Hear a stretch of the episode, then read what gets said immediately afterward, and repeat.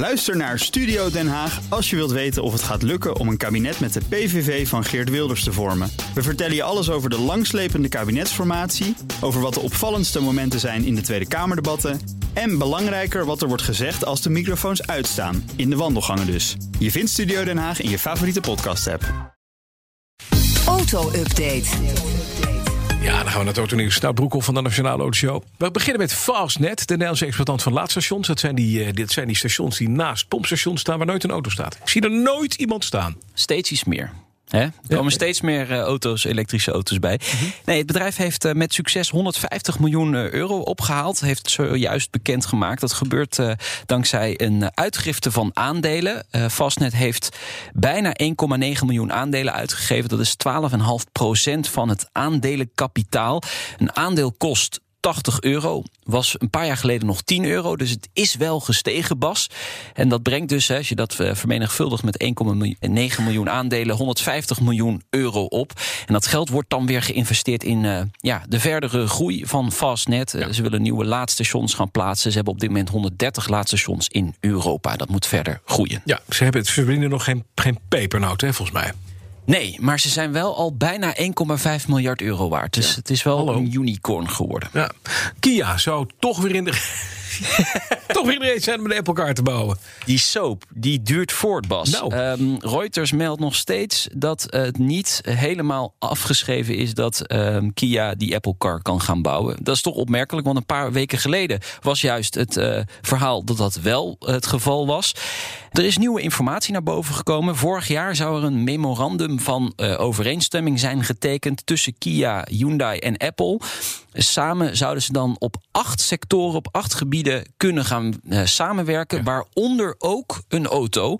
En dan denk je misschien, wat zijn die andere sectoren dan? Nou, Waaronder ook een auto. Ja, denken, wat, ehm, wat dan wel? Ja. Bezorging, last mile delivery, eh, transport. hè, daar zit Hyundai ook heel erg groot in. Nou, de aandeelhouders zijn heel erg blij, want de, de koers van Kia is weer 8% gestegen. Nou, dat is dan wel weer fijn. Ja. We blijven eventjes bij dat Koreaanse bedrijf, bij Hyundai, bij Hyundai eh, Heavy Industries. Ik zag vanmorgen een interessant verhaal. 82.000 elektrische auto's, waarvan 55.000 buiten Korea. Hè, waaronder de Kona's en de Ionics.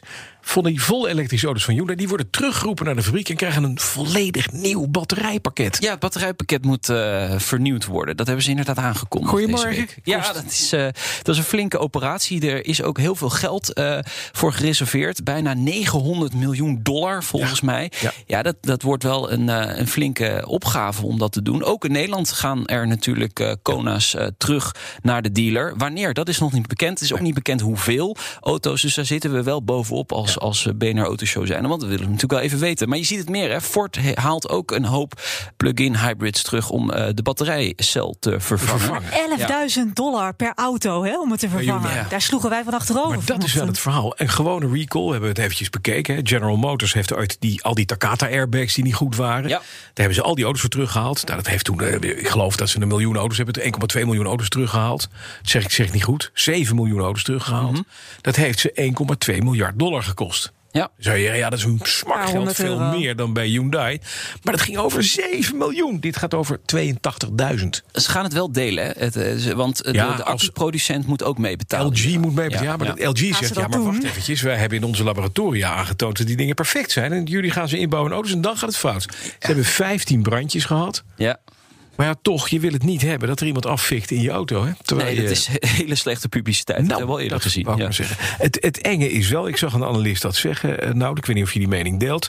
Die zegt, ja, als dit vaker gaat voorkomen... je moet je voorstellen, dit is bijna alsof je de, van een verbrandingsauto... een diesel of benzine, gewoon de hele motor... de hele aandrijflijn wisselt. Want dat is ongeveer de kostprijs van zo'n batterijpakket... versus de, de aankoopprijs. Hè? Eh, Klopt, maar ehm, als het daarna opgelost is, Dan dan, is het klaar. dan ben je blij. Ja, dus eh, Maar ja. d- het is de, je moet dus eh, als EV-fabrikant verdomd goed weten wat je onder in de vloer van die auto legt voordat je hem überhaupt de straat op brengt. Ja, zeker. En ja, je ziet natuurlijk dat steeds meer ehm, elektrische auto's nu problemen vertonen. hè. De ID3 hebben we natuurlijk ook al eerder over gehad. Ja. De Polestar 2 heeft problemen gehad. Tesla. Het zijn allemaal opstartproblemen, kinderziektes die in een auto zitten. En dat hou je wel natuurlijk. Ja, maar de Chinezen die, die, die steken nu een stokje voor Tesla, want eh, die dingen fikken daar ook af. En de fabriek in Fremont lag stil, maar die is weer opgestart. Ja, eh, gisteren werd duidelijk dat die productie daar jaar stilgelegd eh, was. En dat het wel eens eh, een week zou kunnen gaan duren voordat hij weer opgestart zou worden. Maar Elon Musk heeft een tweet eh, verstuurd vannacht. En hij zegt: Fremont is twee dagen stilgelegd vanwege tekorten aan onderdelen, waarschijnlijk chips.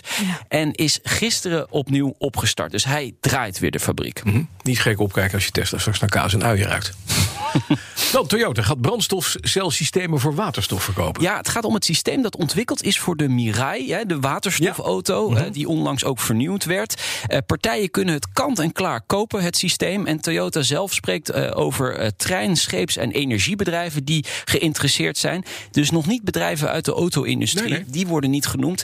Terwijl je daar juist zal verwachten, als het, als het uit de Mirai komt, dan is het interessant ook voor andere partijen. Maar misschien dat ze dat een beetje spannend vinden. Schepen of treinen, Ja. ik zie daar ook wel wat in. Op Ja, zeker, Nou, zeker, zeker. Ik, ik denk eh, vooral voor transport is waterstof natuurlijk super interessant. Als je daar een bak aan accu's in een, in een vrachtwagen Ja, dat ga je niet halen. Nee. Dan kan je niet genoeg voor. Ja, dan kan je accu- accu's vervoeren. Ja, precies. dat is niet handig.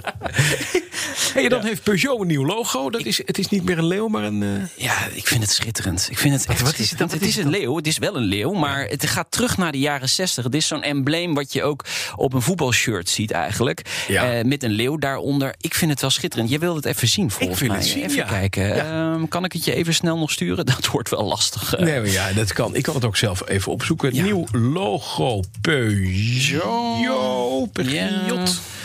ik vind het echt prachtig. We hebben Eh, even kijken. Het is het jaar. Het is wat op de 504 zat. Jaren 60, ja, absoluut.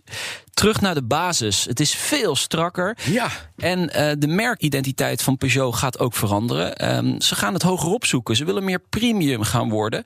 En dat gaan we dan voor het eerst terugzien op de nieuwe 308. Daar hebben ze ook al een teaser eh, voor vrijgegeven. Die komt 18 maart over nou, drie weekjes. Ja, wat wel aardig is, want het is net Stellantis, Fiat, Chrysler, Ja. PSA bij elkaar.